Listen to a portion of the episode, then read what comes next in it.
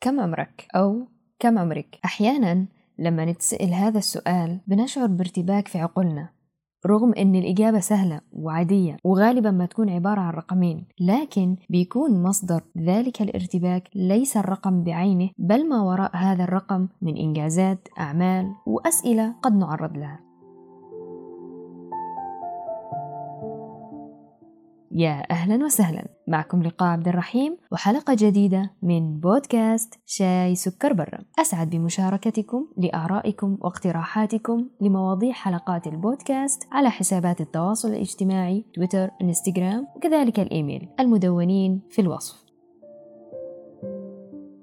منذ لحظة ولادتنا بدأنا أول مهمة لنا في الحياة وهي إننا بكينا ليضحك الجميع حولنا لأن بكائنا يدل على حياتنا يدل على فرح ولأننا لو ما بكينا اللي حوالينا هم اللي هيبكوا. لتلك هي المهمة الأولى لينا في الحياة وهي نقطة البداية لحياتنا وإعلان بداية العمر. لننطلق منها لمرحلة الطفولة ونبدأ في التعرف على الحياة وإيه الصح وإيه الخطأ ونتعلم وتكون أكبر أحلامنا الحصول على لعبة. وأجمل أمنيات يومنا الطفولي البريء الحصول على نجمة أو مديح من معلمتنا أو معلمنا. ونشعر إننا ملوك الأرض لما أهالينا يثنوا علينا أو يمدحونا قدام الضيوف. إن إحنا رائعين ومتعاونين ربما البعض مر بما هو سيء في طفولته لكن تظل هي المرحلة الأكثر براءة والأكثر صدقا في حياتنا. في الفضاء باحثا عن حلم سعيد.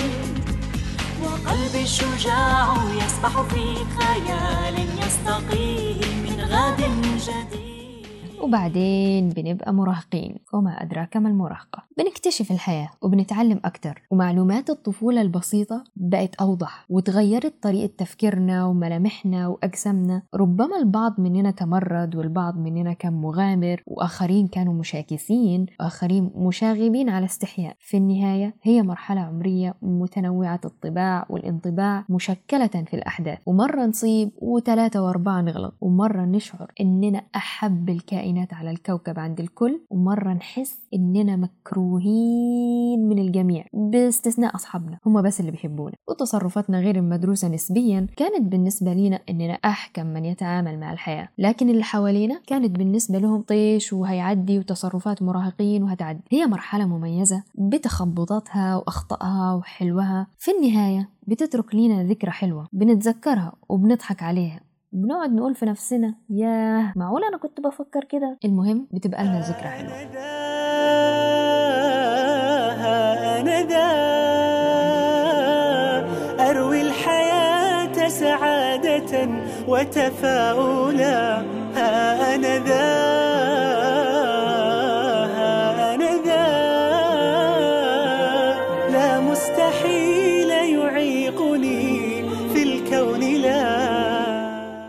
تمر السنين وهي تبقى صبية وهو يبقى شاب. ونبدأ مرحلة زي ما بيسموها المرحلة الذهبية مرحلة الشباب. ومع مطلع العشرين بنكون أكثر وعيا وعقلا. وعقلنا لا يزال بيقعد يسأل أسئلة كتيرة زي ما كنا أطفال. بنقعد نسأل بس عشان نتعرف على الحياة. لكن في العشرين بنسأل عشان نعرف نواجه الحياة. سؤال هبدأ من فين؟ طيب أختار إيه؟ طب هل أنا في المكان الصح والاختيار الصح؟ عمر العشرين بيبقى فيه خيارات عديدة. زواج تكملة دراسة البحث عن عمل إنجاب أطفال أحيانا تكون الخيارات مزدوجة زي اللي بيقدروا يجمعوا بين حاجتين يتجوزوا ويدرسوا في نفس الوقت أو يدرسوا ويتعلموا في نفس الوقت. تقريبا في المرحلة ديت إحنا بنركض وبنجري بدون توقف عشان نلحق بسرعة وأغلب الوقت الشك بيكون مصاحبنا هل صح اللي اخترته؟ هل صح إن أنا اتجوزت؟ ولا صح إن أنا أجلت الجواز؟ هل صح إن أنا أكمل دراستي؟ ولا الصح إني أشتغل؟ مع الركض والشك بنجد رتم الحياة وتطوراتها سريع جدا. طبعا إلى جانب ضغط المجتمع وهوس النظرة المجتمعية لينا وبين العرف بيقول إيه والمجتمع شايف إيه وإحنا عايزين إيه. إضافة إلى ذلك صوت المقارنات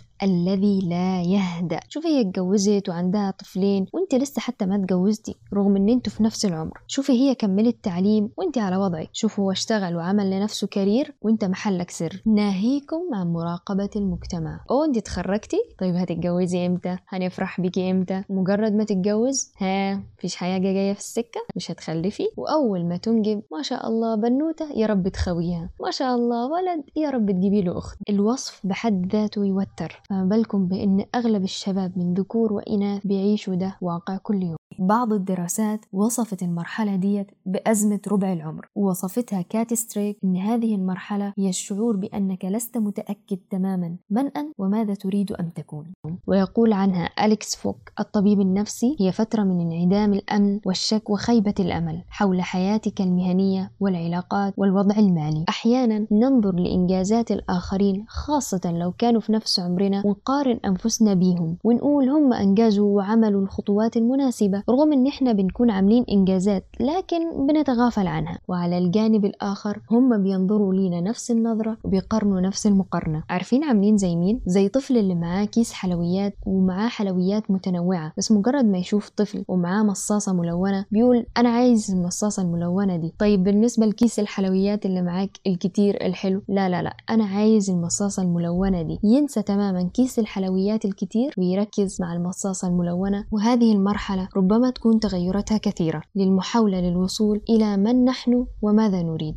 وأكثر التغيرات والتنقلات بتكون مثلا من جامعة لجامعة أو من وظيفة لأخرى ده بيخلينا أكثر قلق من تضييع الوقت بين التغيير وعدم الإنجاز والبعض بيكون خايف من انتهاء إنجازه عشان ما يدخلش في حيرة بعد كده. زي اللي بيكون ناجح دراسيا لكن مجرد ما يخلص الدراسة بيكون خايف من مرحلة البحث عن عمل. والمجتمع والعرف غالبا بيفرض علينا قيود وتقييد حركة سرنا. زي بعض المجتمعات والأعراف العربية إذا ما كانتش الأغلب إن هي فرضت على البنت إنه سن الجواز يكون في العشرينات وإذا هي تعدت التلاتين تكون زي راحت عليها أو تتجوز بس مش جوازة يعني اللي هي زي بتاعة العشرين ويتقال لها فاتك القطر ولو سألناهم أي قطر؟ يقول لك قطر العمر. يعني العمر عمرها والقطار قطارها. هي بس صاحبة المحط وهي صاحبة القرار. الصورة النمطية اللي اتفرضت علينا إن إحنا ركاب جوه محطتنا دي صورة خاطئة. فالقطار في الحقيقة لا يفوت لكن مدى إدارتنا لمحطة القطار هو سر نجاح السير. إحنا ملاك المحطة إحنا من يتحكم بها. ولا يوجد مقياس معين أو محددات معينة. المهم ماذا نعمل لنمهد لنا حياة سوية وعندنا المثال المعروف للمرأة الراقية السيدة خديجة رضي الله عنها. أم أولاد الرسول عليه الصلاة والسلام وأمانه وحب الرسول صلى الله عليه وسلم. تزوجت كما هو المشهور في كتب السير عندما كانت في الأربعين من عمرها. وفي رواية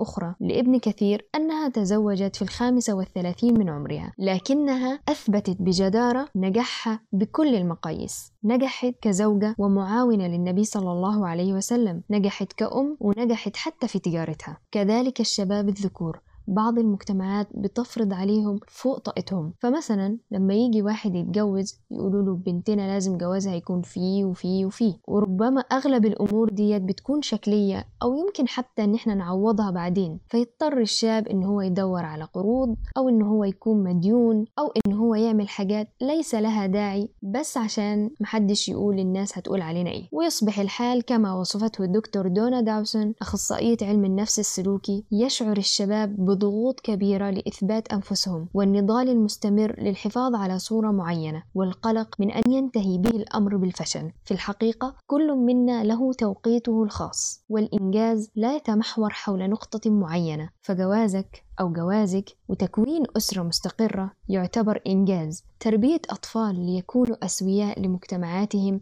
إنجاز وعطاء. النجاح في العمل يعتبر إنجاز وإبداع. تكملة الدراسة يعتبر إنجاز وتطور. أما لو كنت لسه في نفس النقطة ومحلك سر يبقى لابد من السعي واكتشاف الذات فالتسليم للمحددات اللي فرضتها علينا العادات والتقاليد الخاطئة ونحصر أنفسنا فيها ده مش عدل. والتمركز في نقطة واحدة والثبات عليها وعدم التحرك ونقول زي ما تيجي تيجي الدنيا هي اللي هتودينا برضو ده مش عدل. السعي والإدراك والوعي والتخطيط الجيد هو العدل لعمرنا ولذاتنا. ومع الركض والشك والضغوط الاجتماعية والحيرة النفسية في ربع العمر بنحتاج لمقومات تساعدنا على الوصول. أولا أحيطوا أنفسكم دوما بمن يؤمن بكم ويشجعكم ويوجهكم التوجيه الصادق. اثنين السعي في تطوير الذات وتطوير المهارات. ثلاثة اغتنام الفرص المستحقة والفرصة الذاهبة هي ليست محور الحياة. أربعة لا تنصتوا لمن يحددون الحياة. ليه؟ لأن كلامهم قد يؤذينا. لأن هم في النهاية هيرجعوا بيتهم ويكملوا برنامجهم التلفزيوني عادي وحياتهم هتمشي عادي وهينسوا حياتك. لذلك كلامهم مجرد كلام وليس مسلمة أو حد سيف. خمسة لا تصدقوا كل المقارنات بينكم وبين الآخرين. ولا تقارنوا أنفسكم بغيركم فلكل منا طريقه الخاص. ولا تكونوا أنتم ذلك الشخص الذي يشكل هذه المقارنات ويزعج بها الآخرين. تواصل مع ذاتك وحدد أهدافك وخطط لما هو قادم حتى وإن اعتراه بعض الغموض والسير نحو المجهول. المهم إن إحنا نضيء مصباح ينير خطواتنا الأولى لكي نواصل السير في الطريق حتى نصل إلى هدفنا. First and foremost, knowing who you are. Being able to answer this question Who am I? And what do I want? I'm asking the bigger question of who am I? I don't want to just be successful in the world. I don't want to just make a mark or have a legacy? The answer to that question for me is I want to fulfill the highest, truest expression of myself as a human being. You must have some kind of vision for your life. Even if you don't know the plan, you have to have a direction in which you choose to go. You want to be in the driver's seat of your own life because if you're not, life will drive you. بدايات الثلاثين والأربعين عمر العقل والنضج مع بعض القلق. بيكون فيها الإنسان أكثر تصالح مع ذاته ونفسه وعمره. صحيح بيكون في صوت قلق بيقول يا ترى أنا فاتني حاجة من الشباب؟ هل أنا استغليت شبابي صح؟ فيوازيه صوت عقلي داخلي بيقول كمل أنت صح لأنه ما فيش مجال للرجوع. في المرحلة ديت عند البعض بتشتعل شمعة الشغف مرة أخرى. زي مثلا بتكون واحدة اتجوزت في العشرين وأنجبت أولادها وأولادها كبروا شوية أصبح عندهم المقدرة على تحمل ولو جزء بسيط من المسؤولية. فتقرر إن هي تكمل تعليم أو تقول يلا هشتغل الشغلانة اللي أنا بحبها. هنا بتتوزع الأصوات حواليها. صوت بيقول لها يلا انطلقي. والصوت ده بنقول له دايما خليك عالي. وصوت تاني من المحبطين بيقول لها هو في إيه بعد ما شاب ودوا الكتاب ولا هتشتغلي وانت عندك 40 سنة؟ كنت فلحتي وانت 20 وهنا نقول لكم كما يقول المثل المشهور اعمل ودن من طين ودن من عجين. واستمروا طالما لديكم خطة متوازنة لوضعكم وظروفكم فانطلقوا وحققوا إنجازكم. أو مثلا واحدة بتحس إن هي حابة إن هي تنجب طفل جديد في العيلة وتكون مثلا عمرها 44 فممكن تسمع صوت محبط بيقول لها ما خلاص كفاية ما أنت عندك أولاد هو أنت فيكي حيل تربي أو مهودة أطفال؟ هي قررت. إذا هي قادرة. هي درست قرارها. إذا فلتفعل ما يحلو لها. فلا تتركوا المجال للأصوات المحبطة التي تطلق الأحكام بلا معرفة ولا بأس من صوت النصيحة Don't ever let somebody tell you you can't do something. Not even me. All right? Alright. You got a dream, you got to protect it. People can't do something themselves. They want to tell you you can't do it. You want something, go get it. Period.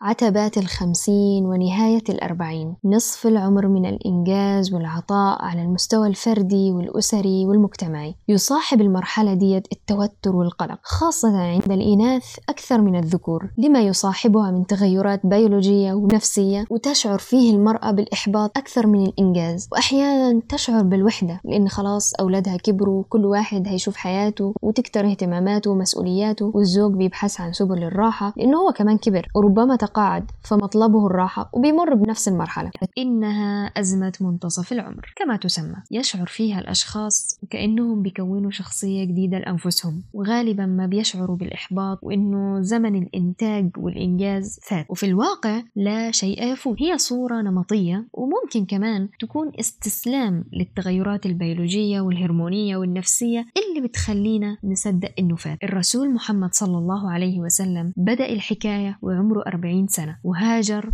وعمره 53 سنة وفتح مكة وهو في الواحد وستين من عمره. كان ساعيا وليس محدودا. وربنا سبحانه وتعالى كان قادر يخلي سيدنا محمد يبدأ في عمر العشرين أو الثلاثين. لكن لله الحكمة في ذلك. أعرف شخصيا سيدة ختمت القرآن وهي في السبعين من عمرها. الكولونيل ساندرز صاحب سلسلة مطاعم كنتاكي قرر فتح مطعمه بعد محاولات فاشلة وهو عنده 62 سنة ونجح نجاح عالمي. جوليا تشايلد الطاهية الشهيرة بالمأكولات الفرنسية. بدأت شغفها في الطهي وتأليف كتابها عن الطهي وهي في عمر ال 53 المعمارية العراقية المتألقة المتميزة زها حديد رحمها الله. استمرت في عطائها المعماري الرائع والمتميز والعالمي إلى أن توفت رحمها الله وهي في ال 65 أوبرا وينفري المذيعة الأمريكية المشهورة الملهمة لا زالت تسعى وهي ذات ال 65 سنة. وغيرهم نماذج كتيرة معروفة أو غير معروفة لا زالت مستمرة في السعي بلا حدود. وفي عبارات استمرت عبر الأجيال والبعض بيأخذها للأسف في عين الاعتبار وهي أصلا ليست سوى موروث. زي مثلا لما يقولوا تصرفاتك ما تناسب عمرك. لأم بتشارك أبنائها وبناتها أفكارهم أفكار جيلهم. لخمسينية قررت إن هي تتعلم لغات لرجل ستيني يركض وراء أحفاده ليلعب معهم في الحديقة. التصرفات طالما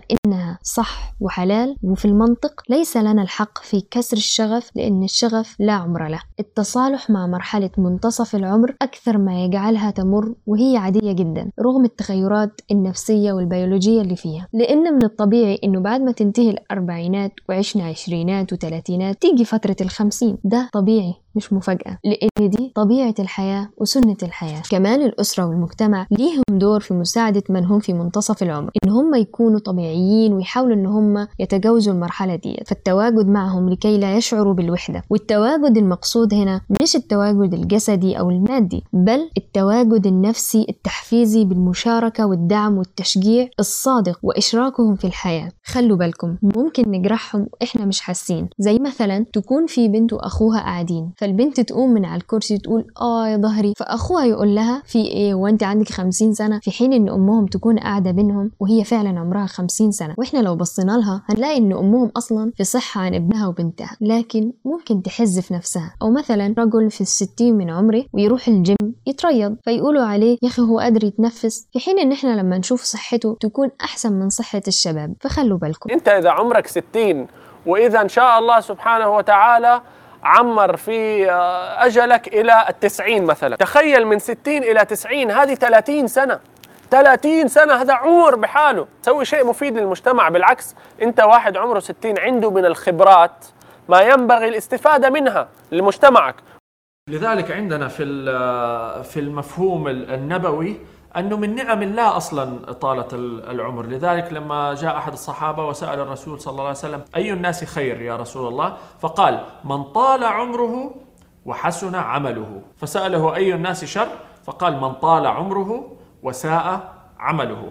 اذا إحنا المفروض كمسلمين بالعكس ندعو الله سبحانه وتعالى أن يطيل في أعمارنا بصحة وعافية، ليه؟ لنفعل أعمال من الخير أكثر ولنحقق مفهوم الخلافة في الأرض بشكل أكثر ونحسن ونتقن لسنوات أكثر وبالتالي تزداد حسناتنا. العمر هو هبة من الله سبحانه وتعالى لنا. لما ربنا سبحانه وتعالى يسألنا عن عمره فيما أفناه يعني فيما أفنيته أنت وحدك أو أنت وحدك وليس مجتمعك أو عاداتك أو حتى تسويفك. العمر فرصة فنصنع فيه كل ما هو جميل وكل حلم وكل شغف ونتعلم من الأخطاء. ليس شرطا أن يكون ما نصنعه هو صعود جبل أو صعود قمر. صحيح ديت إنجازات عظيمة. كمان في المقابل ليها إنجازات عظيمة. فلما تربوا أبنائكم تربية صالحة يطلع عندنا شاب في المستقبل يكون زوج صالح متفهم تطلع عندنا في المستقبل امرأة صالحة مقدرة وزوجة صالحة. يطلع عندنا جيل منجز في حياته جيل بيتعامل بصلاح وإصلاح وأخلاق مع الناس. فالناس أول ما تشوفهم تدعي للي رباهم قبل ما تدعي ليهم. الضغوط والظروف. أكبر عدو للعمر على شكل صديق. الضغوط والظروف بتقضي على العمر واللحظات الحلوة وبتكون جاهزة كشماعة عشان نعلق عليها عدم الإنجاز والتقصير. خلوا بالكم استغلوا اللحظات قبل ما تروح قبل ما تكبر. لابد إن إحنا نعمل مرونة النفسية ونعمل موازنة ما بين ضغوط الحياة سواء كانت الداخلية اللي جوانا اللي كانت معانا من الماضي أو ضغوط الحياة الخارجية من ضغوط الدراسة أو ضغوط العمل أو ضغوط البيت أو ضغوط الأسرة. تصالح مع الواقع مع العمر مع أقدار الله سبحانه وتعالى لنا. وكن على يقين أنها لحكمة وأنها الأفضل. ونتعلم من الأخطاء ونواجه المخاوف. وإذا كنت في منتصف العمر تصالح مع شعرك الأبيض الجميل مع نظارة القراءة مع تجاعيدك الجديدة لأن كل ذلك طبيعي وليس بعيب.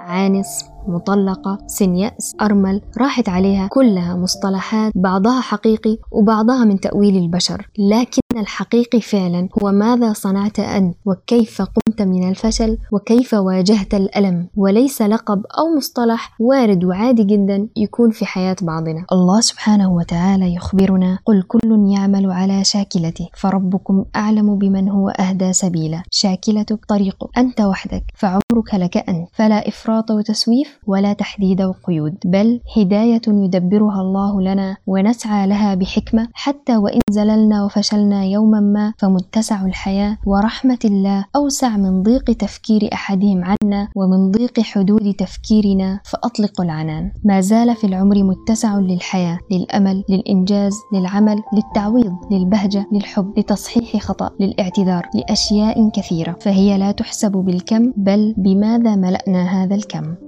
ويبقى الأثر. شكرا لاستماعكم. شاركوا الحلقة مع أحبتكم ولمن ترونه مهتم. دمتم بود. ألقاكم على خير. العمر بأيام أم أعوام.